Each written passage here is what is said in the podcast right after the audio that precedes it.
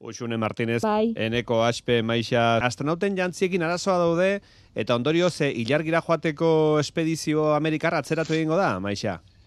Bai, horrela da. E, plana zen 2008 lauan, lehenengo emakumea bidaltzea espaziora, baina atzeratu egingo da, eta arrazoi asko daude hori pasatzeko, baina bat da, ba, trajeak emoten ari dira, ba, frogak atzeratzen ari direla, eta hori da, ba, pilo bat enpresa daudelako sartuta trajea egiten, froga asko egin behar dira, azkenengo biderrez, irurogeita marreko amarkadan bota zen gizaki bat ilargira edo ilargia zapaldu zuen azkerengo gizakia, Mm. orain dela berrogeita hamar urte izan zen. Geroztik ikasitako guztia aplikatu behar da e, teknologian. Eta kontua Eta da, beraz, eh, jan- jantzi seguruak lortzea eta erabateko segurtasuna lortu arte ez da bidaliko inor. E, zera, ilargira. Hori da. Inoiz ez da hil inor traje espazial baten akats bategatik, beraz behar dutena da berdina egitea. Eta orain asko be e, aurreratuagoak dira, ba, ja pentsatuta daude lan egiteko ilargian. Mhm. Gogora dezagun e, eraiki nahi dutela plataforma e, ba, bat ja, ilargian izteko eta bertan ba, ba, gauzak egiteko. Beraz, e, pentsatuta dago e, bertan lan egiteko eta bizitzeko. Beraz, e, asko be aurreratutagoa dago e, traje espazial hori. Bai. Bai, bueno, beraz, erabateko segurtasuna lortu arte ez da inor bidaliko ilargira, eta horrek esan nahi du gutxienez, e, 2000 eta hogeita bosta baino lehenago inor ez dela bidaliko. Horrela da. Bueno, hemen gaude, Eusun eta Maixarekin zientzia eta pazientziaren e, tarte honetan, eta zientzia gure bizitzako edozein gauzetan topatu dezakegu, Eusune. Bai. Baita, e, aurrek e, eskolara eramaten dituzten motxiletan ere. Ondo aukeratu behar dira motxilak, Bai. Eusune, Bai. gero ikaslek bizkarreko minik izan ez dezaten. Bigo eta Leongoko Unibertsitateko ikertzaileen artikulu bat eh, irakurri nuen. Beraiek egin dutela da, bueno, 2010 garren urtetik 2019 garren eh, urtera, aurrek lepoan daramaten e, ba, motxila horien e, hainbat ikerketa aztertu dituzte, berrikusi dituzte, Mm? eta bertan ondorio batzuk ikusi dituzte. Alde batetik ikusten da 0-6 urte bitarteko umeek ez dituztela izaten e, arazo horiek batez ere, bueno, euren motxila txikiak direlako eta Bai. pisu gutxi eramaten dutela, Bai, ez? ba, igual fruta pixka bat, edo Hori jateko da. zerbait, eta kitxo, ez? Hori da, baina arazoa gertatzen da esaterako 6 eta 12 urte bitarteko umen artean ikusi dute, bueno, ba hainbat e, lumbalgiak eh, daudela, Mm. gerriko minak Bai. eta kontrakturak deitzen e, zaien muskuluen uskurdurak sortutako, ba bueno, minak eta agertu direla. Eh, motxilak kargatu egi edo bete egi Bai. eramateagatik eta gaizki eramateagatik, ez da? Hori da. Zer gertatzen da? Bueno, ba, gure ikasleen e, gehiengoak, batez ere sei urtetik e, amazortzi urtera bitarteko horiek, bara, euneko larogeta amarrak, ba, motxilak erabiltzen dituztela, ba, bueno, Mhm. institutura ero eskolara joatea. Eta kontua da, ikusiko dituzue, hainbat motxila mota daudela, ez? Ero motxila mota, de, bueno, desberdinak daudela.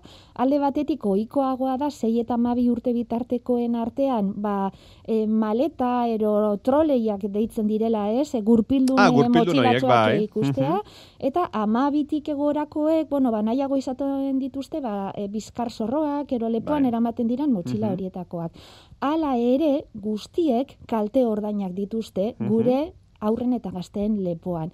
Bueno, ba, erreparatzen badiegu zerak, e, motxilei, seguruenik askok ikusiko zituzten motxilak bete-beteta joaten direla Bai. sekulako sama izaten dute. Bueno, ba, horrek eragiten du, ba, sorbaldak kargatu gehiagizko pisua eramaten Mhm. dutela.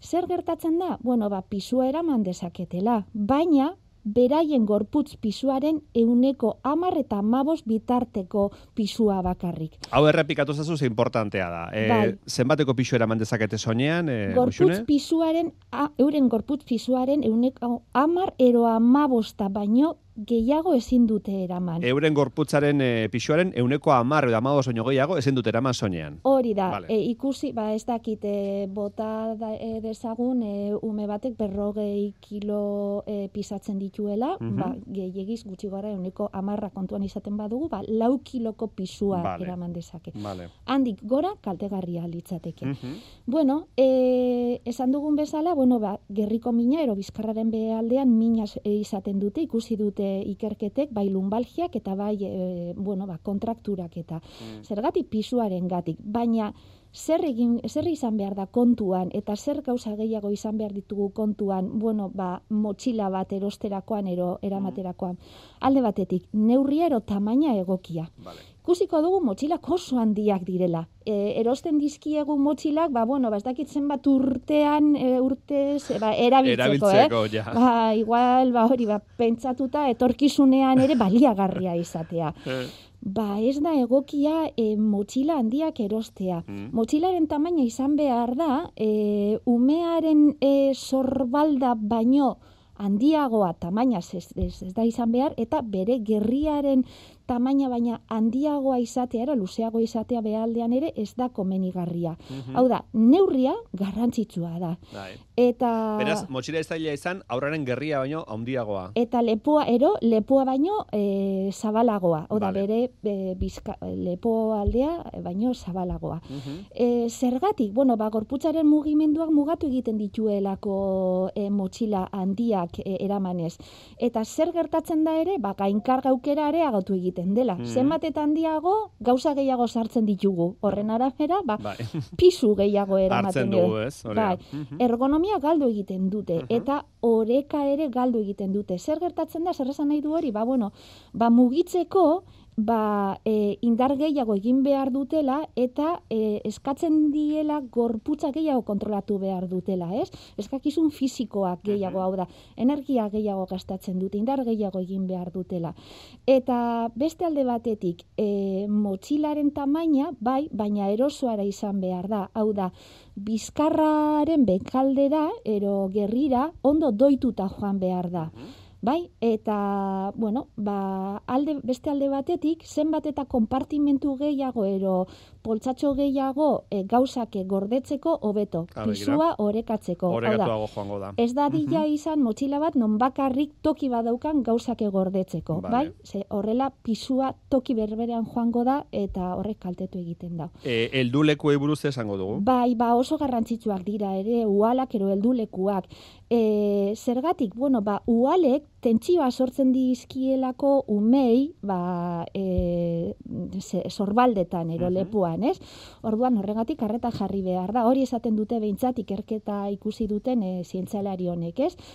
Ualek doi, doigarriak izan behar dira, hau da, e, ajustatu egin behar dira, doitu egin behar dira e, umearen e, tamainara, ero altuera eta lepoaren tamainara. Hori ikusiko dugu zelan e, aurrero gazte batzuk eramaten dituzten e, motxilak ba, oso bean, eta Mhm. lokarriak eta oso nasai, ez?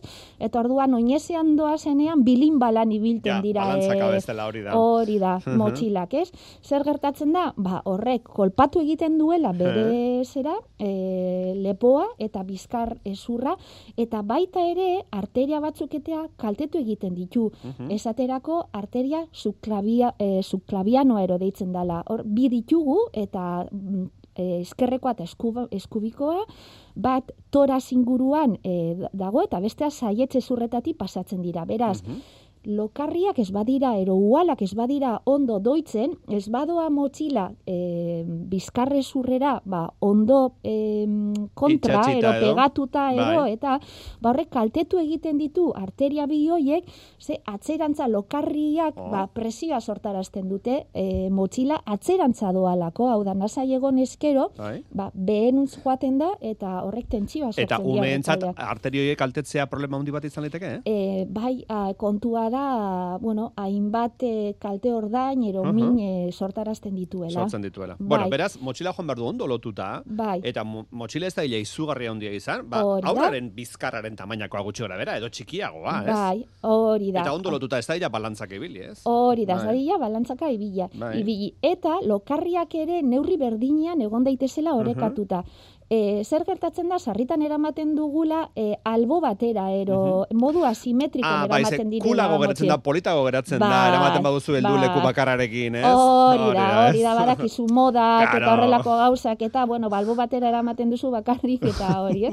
Ba, bai, oso kula izango da, baina horrek ere kalteak eragiten Hori da, ditu. ez da batera osasungarria. Ez, orduan, eh, hau da, orekatu egin behar dira ualak, Mhm. eta, eh, eta motxila egon dadila, ba hori ez, modu orekatuan, eh, Vale. zintzilik. Vale, eta gero, badira beste helduleku batzuk, e, zera, bular parean eta gerri Bai. parean horiek ere komeni lotzea, edo Bai, balin badauzka Bai, e, motxilak izaten badituzte ba hori paparrean, ero Mhm. bular e, inguruan, lokarriak eta baita ere gerrian, horrek e, hobeagoak dira. Batez ere, ba, bueno, ba, pisua eunsteko ere lagungarriak direlako. Mhm. Eta, mm, ba hori, motxila modu orekatuan, eta e, ba hori, albo batera eramatea, ero modu asimetrikoan esa, e, eramatea, saiestu egiten duelako.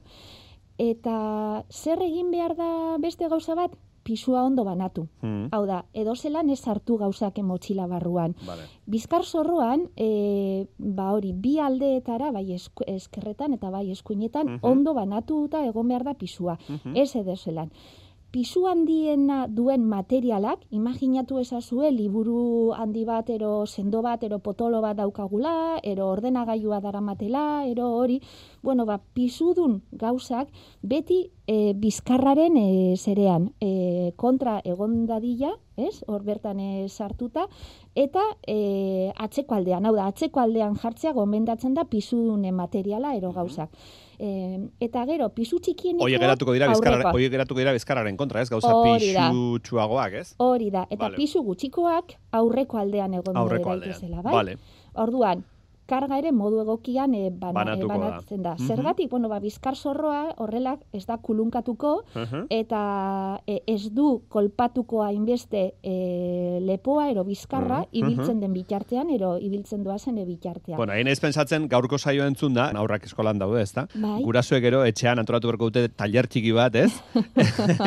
Afalondoren edo aurrei Bai. esplikatzeko nola Bai. antolatu bertuzten motxilak, ze etxean gurasoak lagundu diezaioke aurrari, baina gero eh, Bai. Eskolan bertan edo ikastetxean, etxera bueltatzen denean berak antolatu behar du motxila, ezta? Berak Bai. jarri berretu gauzak, ez? Motxila Bai, barruan. Ikusi dute zientzialariek ere, e, aurrak e, ba, jauziak eta izaten dituztela, ez jauzi Bai. egiten direla eta eta jauzi horietako asko Mm. da motxilaren gatik, hau da, motxila hori e, motxila horren karga modu desegokian dagoelako, orduan zer gertatzen da, oin presioa, ez, oinetan presio gehiago egin behar dute oreka mantentzeko, eta Mhm. sarri askotan galdu egiten dute, bai? Mhm.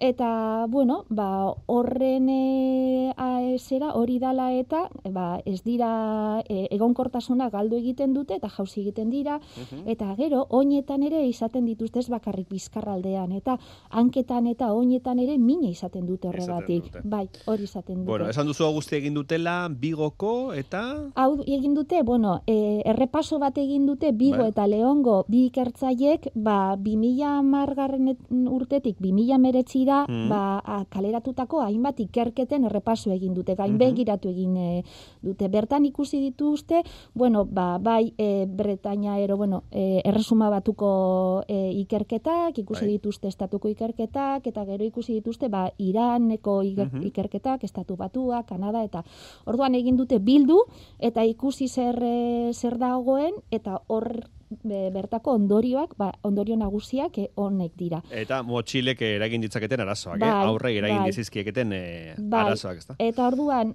e, zein da e, gomendio nagusia? Ba, beraien gorputz pisuaren baino e, euneko amarra baino pisu gehiago ez eramatea. Soinean, Batez ere, hori Mhm. da, amabi urte bitartekoen artean. Amabi urtetik, bita, amabi urtetik aurrera, euneko amabosta posible da. Baina pisu hori ero, bueno, ba, kantitate hori ez egainditzea. Eta hori da betiko misterioa zergatik eramaten duten aurreka enbeste gauza motxilan, zergatik eramaten dituzten e, guk gare batean hau ni aspaldikoa Bai. naiz, baina gare batean liburuak eskolan bertan uzten genituen. Orain dena eramaten dute etxera, eh? Hori da. Bai, E- bai. Eta ez, ez dudan ulertzen da, nik imaginatzen nuen orain dela hogei urte, Hmm. eraman behar izango zen guztia izango zela iPad moduko bat. Eta ez gure garaian bezala hogeita mar mila liburu, baina jarraitzen dute Eta hogeita mar mila kuadernoak, eta bai, ez da? Badu ere eragina, ero horretan ere badu zer ikusia ere gure garaian, Mm. e, bueno, gehiengoak esk, e, etxera joaten ginela, ba hori, baskal orduetan, ja. eta Mm. Eta egun, e, bueno, ba, e, goizetik arratzaldera, arratzaldean e, irten arte bertan e, egoten direla. Aha. Beraz,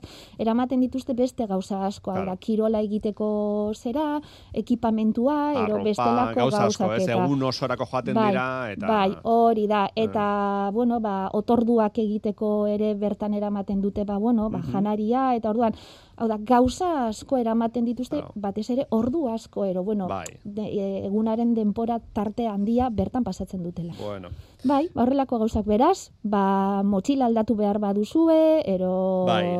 Ba, oparitu egin behar baduzue, ero, ba, horrelako hartu gauzak kontutan, kontuan. aholku hau guztiak, eh? Bai, ze eskertuko dute gure aurre eta gazteen e, ba, lepo sorbalda Hmm. eta gerri inguruak eta oinak e, ere eskertuko dute. Maixa, bezarkada bat. Bezarka da hundi handi bat. Uxune beste bat. Zeuei ere ondo ondo ibili.